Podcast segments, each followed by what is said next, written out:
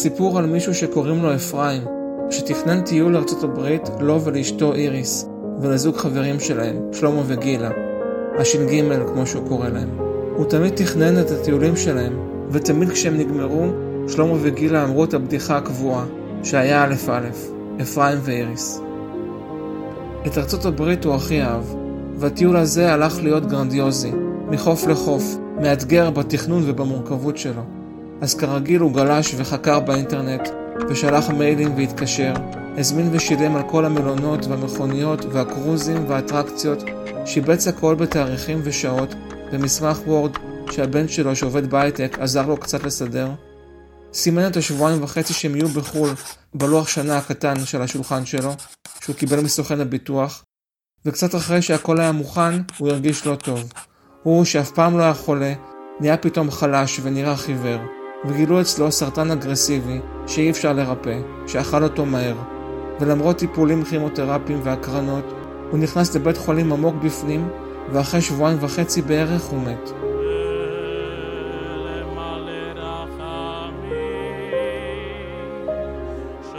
יש את ההלוויה והשבעה והשלושים, וכמה שבועות אחרי, איריס אשתו מחליטה שהיא יוצאת לטיול שלו, שהוא תכנן להם. אני לא מוכנה שהכל יראה לטמיון. גם שלמה וגילה אומרים שהם באים. מה זה? לא ייתן לך לנסוע לבד. גם אנחנו באים. אחרי הטיסה הארוכה לארצות הברית, והטיסה הקצרה הפנימית, הם מתמוטטים במלון במפלי ניאגרה. שלמה וגילה היו שם פעם, בירח דבש, אבל במלון אחר לגמרי. אני עוד זוכרת את השטיחים מקיר לקיר, איך הכל היה מוקפד. אולי זה הזמן להגיד שאפרים בצעירותו התחיל קודם עם גילה ויצא איתה, אבל היא לא רצתה אותו, אז הוא בא לאיריס, חברה שלה. בבוקר, גילה נזכרת גם בארוחת הבוקר הגדולה והנדיבה מהמלון ההוא. איריס מראה לה את הקפה עם המאפינס שהם קיבלו. את רואה? פה הם אחראים. הם דואגים לך שלא תשקעי אם תפלי מהאונייה.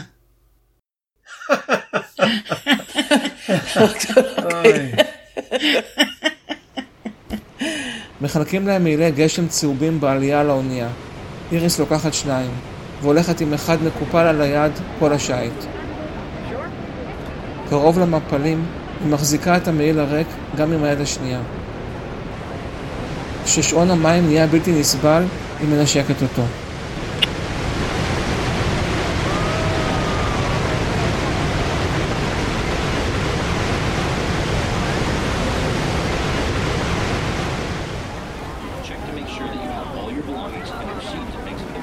מהצד הקנדי זה הרבה הרבה יותר יפה. שלמה אומר כשהם יורדים מהאונייה. גילה נותנת לו יד. איריס משפילה עיניים. בערב הם במסעדת סטייקים חגיגית. המקומות כבר הוזמנו בארץ והמארח מצפה להם. The four from Israel! You made it! We've been expecting you. Only three, sorry. We could, one couldn't come. I'm sorry to hear that. Please come with me. We've reserved for you a very special table. מושיבים אותם בקצה המסעדה, ליד המטבח. איך אפרים אהב את הסטייקים בארצות הברית? איריס נזכרת ופותחת את המסמך המסורתי שאפרים מכין, שאותו הדפיסה גם לש"ג, שלמה וגילה.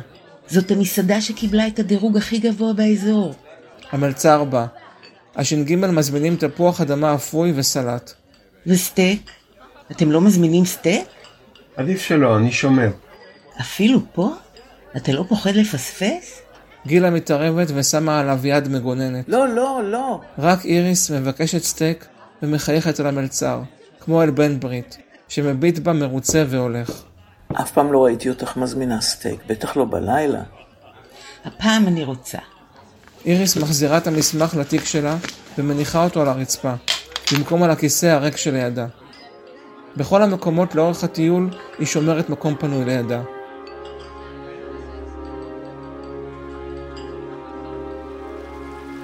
נגיד ביילוסטון פארק, אחרי שאיש זר מסכים לצלם את שלושתם, ושלמה וגילה יוצאים מהעפרים לקחת חזרה את המצלמה, היא מבקשת ממנו לצלם רק אותם. Us? To take a photo of us, you said? Me, me. Me, I meant. But please leave some space on uh, my right side, okay? So, so I won't be in the center.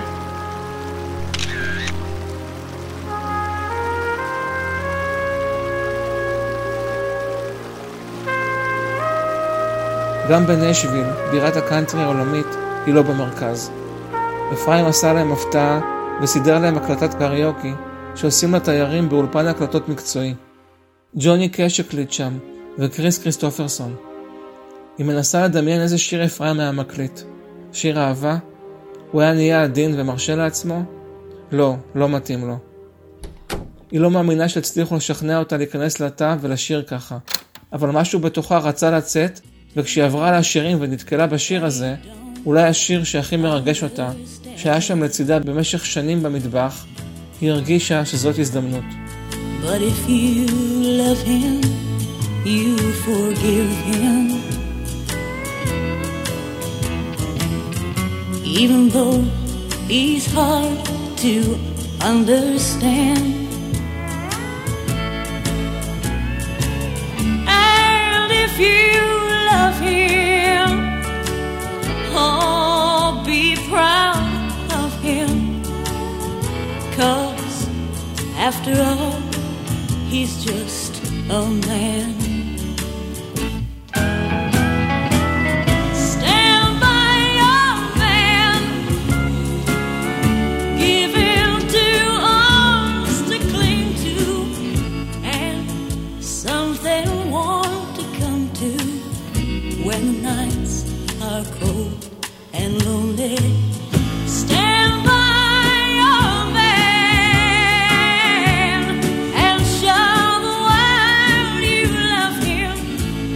Keep giving all the love you can.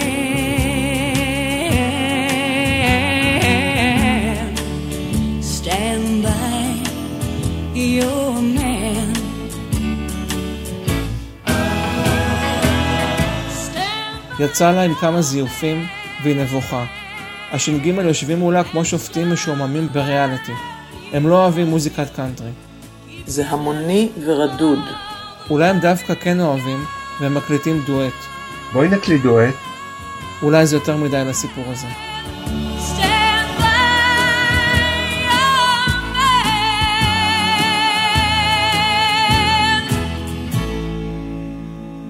אבל קניות חייבים, לא?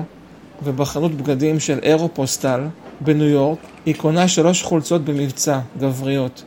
טי-שירטס עם פסים צבעוניים. גילה חושבת שזה לשלומו, מין תודה על זה שהוא פה איתה, תומך בה ונותן לה ביטחון. בואי נעבור את הכביש וניכנס למייסיס, הבגדים שם יותר איכותיים. לא, זה לאפרים. הוא בכוונה לא קנה השנה חולצה בארץ, כי הוא התכוון לקנות פה. הוא ראה את הבגדים שלהם באינטרנט ואמר שזה הטעם שלו, אפילו שזה נחשב פחות. משם הם נשלחים ככתוב בכתבי אפרים למופע הגדול בברודוויי, מחזמר חדש על מבצע אנטבה. בטח אפשר לבקש החזר על הכרטיס של אפרים. לא רוצה. אני רוצה שזה יהיה כמו שהוא תכנן, יחד איתו.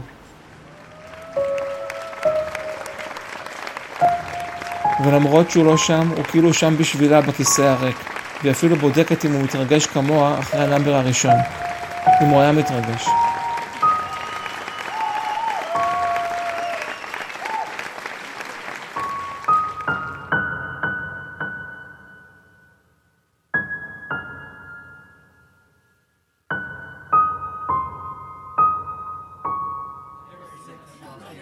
ביציאה איריס עמומה ואומרת לשלמה תראה מה זה.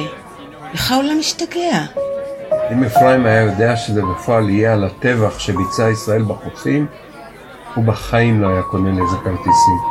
חבל שהוא לא קרא על מה זה לפני שהוא הזמין. איריס, יכול להיות שהוא היה כבר חולה כשהוא תכנן את הטיול? לא, לא חושבת. כי הוא יודע לתכנן טיולים למופת וזה לא מסתדר. הוא מביט בה בעיניים נוקבות, כאילו שהיא לא מגלה להם את הכל, כאילו שיש כאן תרמית. גם גילה חוקרת את פניה ומצפה לתשובה. איריס מתעלמת ומסתכלת קדימה. וככה יש עוד מלא כל מיני טעויות ואי שלמויות למיניהן. ושלמה מעיר על זה. גם גילה, בדרכה המתחשבת, עושה פרצופים. תמיד במסעדות המקומות איכשהו בפינה, ליד הכניסה, או השירותים, או המטבח. תמיד הנוף מהמלון הוא למלון אחר שתקוע ממול, יותר מוצלח. אם אני מטייל אז אני בא לראות את הנוף, למה אני צריך לדמיין את הנוף? היא שומעת את שלמה אומר בחדר השני. אנחנו מחמיצים את אמריקה. היא מתיישבת על המיטה הזוגית. היא שואלת כמו המרצה לציור שחזר ושאל בהרצאות שהיא הלכה לשמוע לבד בקתדרה. Where is the נוף?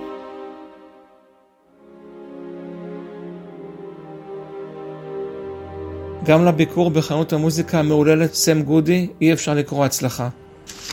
זאת חנות בגודל מגרש טניס. מוכרים בה עשרות אלפי תקליטים, דיסקים, קסטות, קלטות וידאו. בעיקרון כל פיסת קולנוע, טלוויזיה או מוזיקה שאי פעם תועדה. אבל כשהם מגיעים הם רואים שהיא נסגרה. היום זה הולך הכל דיגיטלי, באינטרנט. אז לא צריך את כל החנויות האלה. היא ניגשת לערימת קופסאות ענקיות שהרימו אחת על השנייה, עזבי איריס, זה של הומלסים. אבל היא פותחת את אחת מהן. נהר של דיסקים נשפך ממנה. איריס מתרחקת ומביטה בפליאה. דיסקים חדשים, בעטיפות, של כל הגדולים. תראו מה זה, זהב ברחוב. כמו זהב ברחוב זה שוכב. אנשים עוברים לידם ואף אחד לא ניגש להרים אותו. אף אחד לא מתרגש. Oh, listen, so the audience was a tad restless. אבל לא צריך אותם, למי יש עוד קומפקט דיסק? זה סתם תופס מקום. היום הכל זה בקבצים, במחשב, באוויר. יש הכל ביוטיוב. איריס מאופנטת מהערימה שנשפכה על המדרכה. איך אפרים היה הולך לחפש את הדיסקים שלו כשהוא היה בא לפה? אורי היה מכין לו רשימות. רק להרים ולקחת. היא מתכופפת ולוקחת את הופעת הקאמבק של פרנק סינטרה במדיסון סקוויר גארדן, עם פאה וכוחות מחודשים. ואת המחזמר דרום פסיפיק, עם השיר שאפרים אהב על הערב הקסום שמצפה לנו. Some enchanted evening,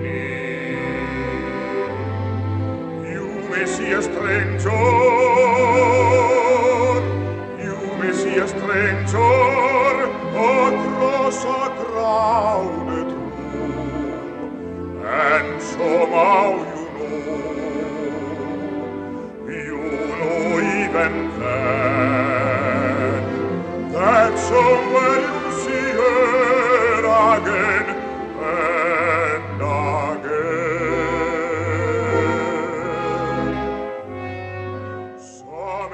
הם פונים מערבה, לפי הציווי הכמו אלוהי של אפרים,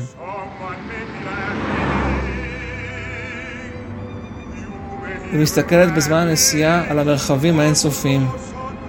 זאת הייתה המדינה מבחינתו. הוא אהב את ההיסטוריה שלה, את אהבת החיים, את הגודל, את החופש.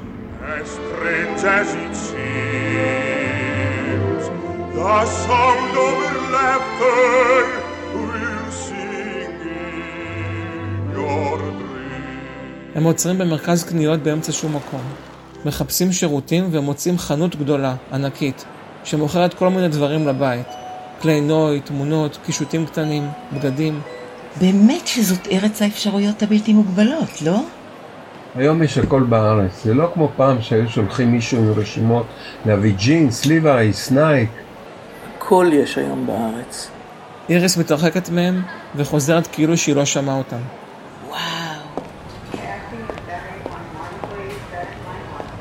בגשר הזהב בסן פרנסיסקו, האוטו הסחור מתקלקל. Hello? What is your name? Yes, we are stuck. שלמה מדבר עם חברת ההשכרה, ואיריס מדברת עם גילה. הן משקיפות ממרום על המפרץ.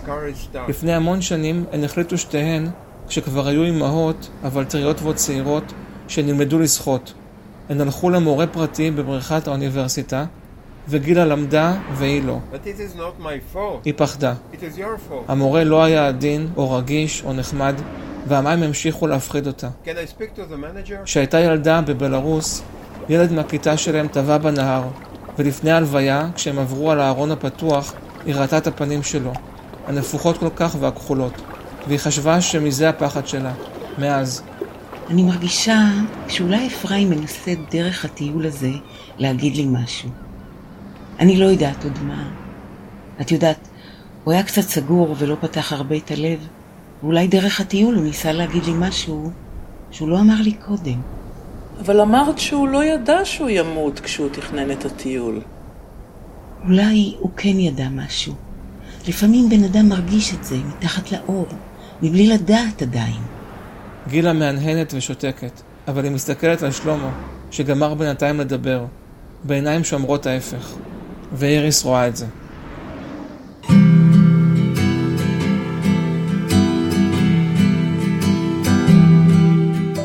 בדיסני וורלד שבאורלנדו, הש"ג אומרים די מהר שזה לא בשבילם, ופורשים לצל.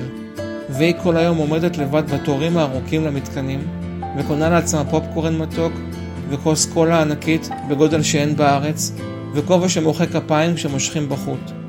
היא מושכת בחוט כמה פעמים, ומנסה לשמח תינוק שבוכה ולא הולך לה. הולך לה ההפך. היא מתחילה לבכות ונזכרת בטרנינגים הזולים שהיא והבן נסעו לקנות לו, כי כבר לא היה למה להחליף. במצעים המלוכלכים, באיך שהיא עזרה לו להיכנס למקלחת. היא נזכרת איך הוא רעד אחרי ההקרנות לראש. איש שהיה חזק כמו שור, רעד ככה פתאום בשקט. היא ממהרת להצטלם עם מיקי מאוס ולחבק אותו כמו ילדה. הם מתחננים בפניה לחזור למלון, וזה כבר מלון אחר, בלאס וגאס. איריס קוראת מתוך המסמך של אפרים. על שולחנות המזל... לא, רגע. על השולחנות המזל מתגלגל. נוכל לקחת חמישה דולר או מאה ולבדוק אם יש לנו מזל בחיים, למרות שאנחנו יודעים שאין. למה אנחנו יודעים שאין איריס? למה הוא התכוון? לא יודעת. היא מוציאה ז'יטון של 100 דולר ליד שולחן הרולטה. זה בטח טעות בהקלדה, הוא התכוון עשר, אל תשימי מאה. על מה את מהמרת, איריס? על מה שהיה? על זה שלא היה לך אומץ לעזוב? היא שמה את הז'יטון על יום ההולדת של אפרים. והיא מפסידה. יצא מספר הפעמים שהוא הפך את השולחן במטבח. אנחנו יכולים להזמין אותך לארוחת ערב? מה פתאום? מבחינתי ניצחתי. אני פה ואני מפסידה כסף על סתם. אני, שההורים שלי עבדו כל החיים שלהם כל כך קשה ולא קנו לעצמם כלום, רק חסכו גרוש לגרוש, אני חופשייה. זה לא ניצחון גדול?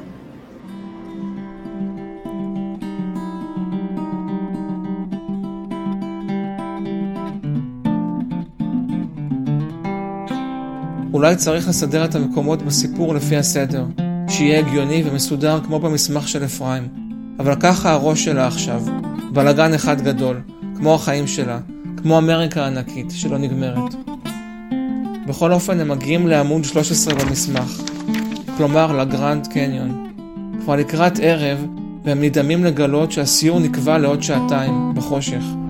אפרים כתב שזה אחד מפלאי תבל, שחושף את סודות העולם שכבה אחרי שכבה. היא קוראת להם במיניבוס פסוקים מהמסמך עם האור מהפלאפון. ולא רואים אותו, את הקניון. את, ה... את הקניון. את הקניון. את החור הגדול למטה. הכל נראה לה כמו חור גדול, שהם בתוכו, ושזה כל מה שיש בעולם, חור שחור וכוכבים.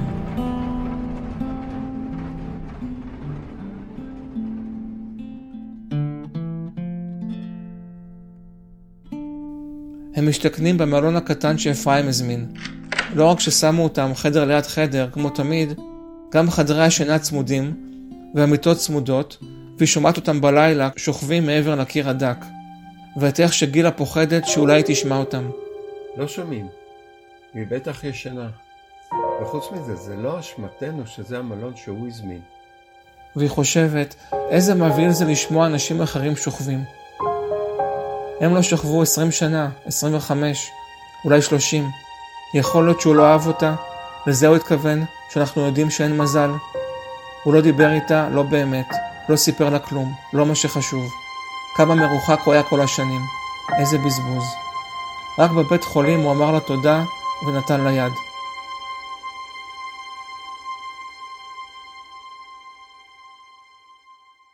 שלמה ממשיך מעבר לקיר. אף פעם לא השתגעתי על הטיולים שהוא תכנן. אני הייתי מתכנן אותם אחרת לגמרי, אבל לא היה לי לב לעשות לו את זה. כרגיל היה א' א'.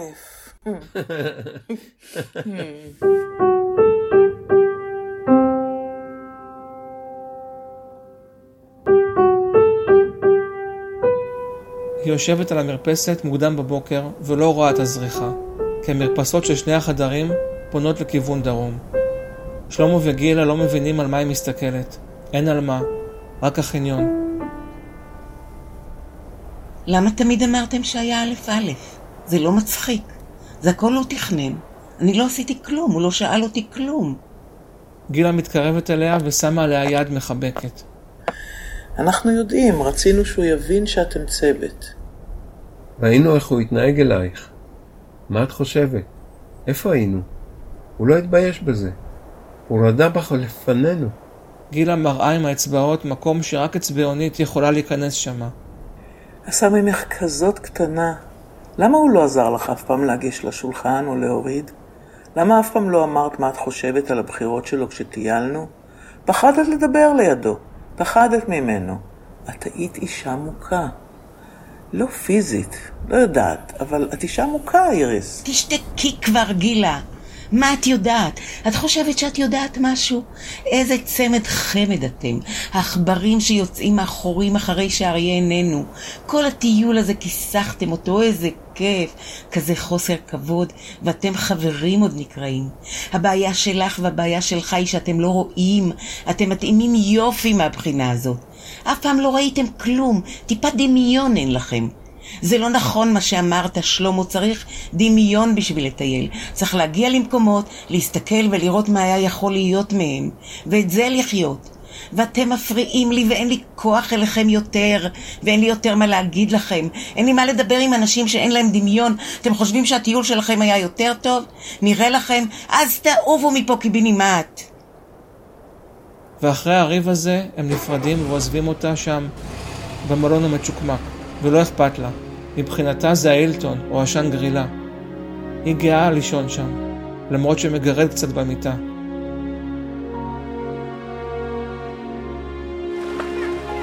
וללכת לשבת ליד הבריכה, ולקנות חולצה למזכרת, ולאכול במסעדה שנמצאת ממש קרוב לקצה. והיא לא רוצה לחזור משם הביתה.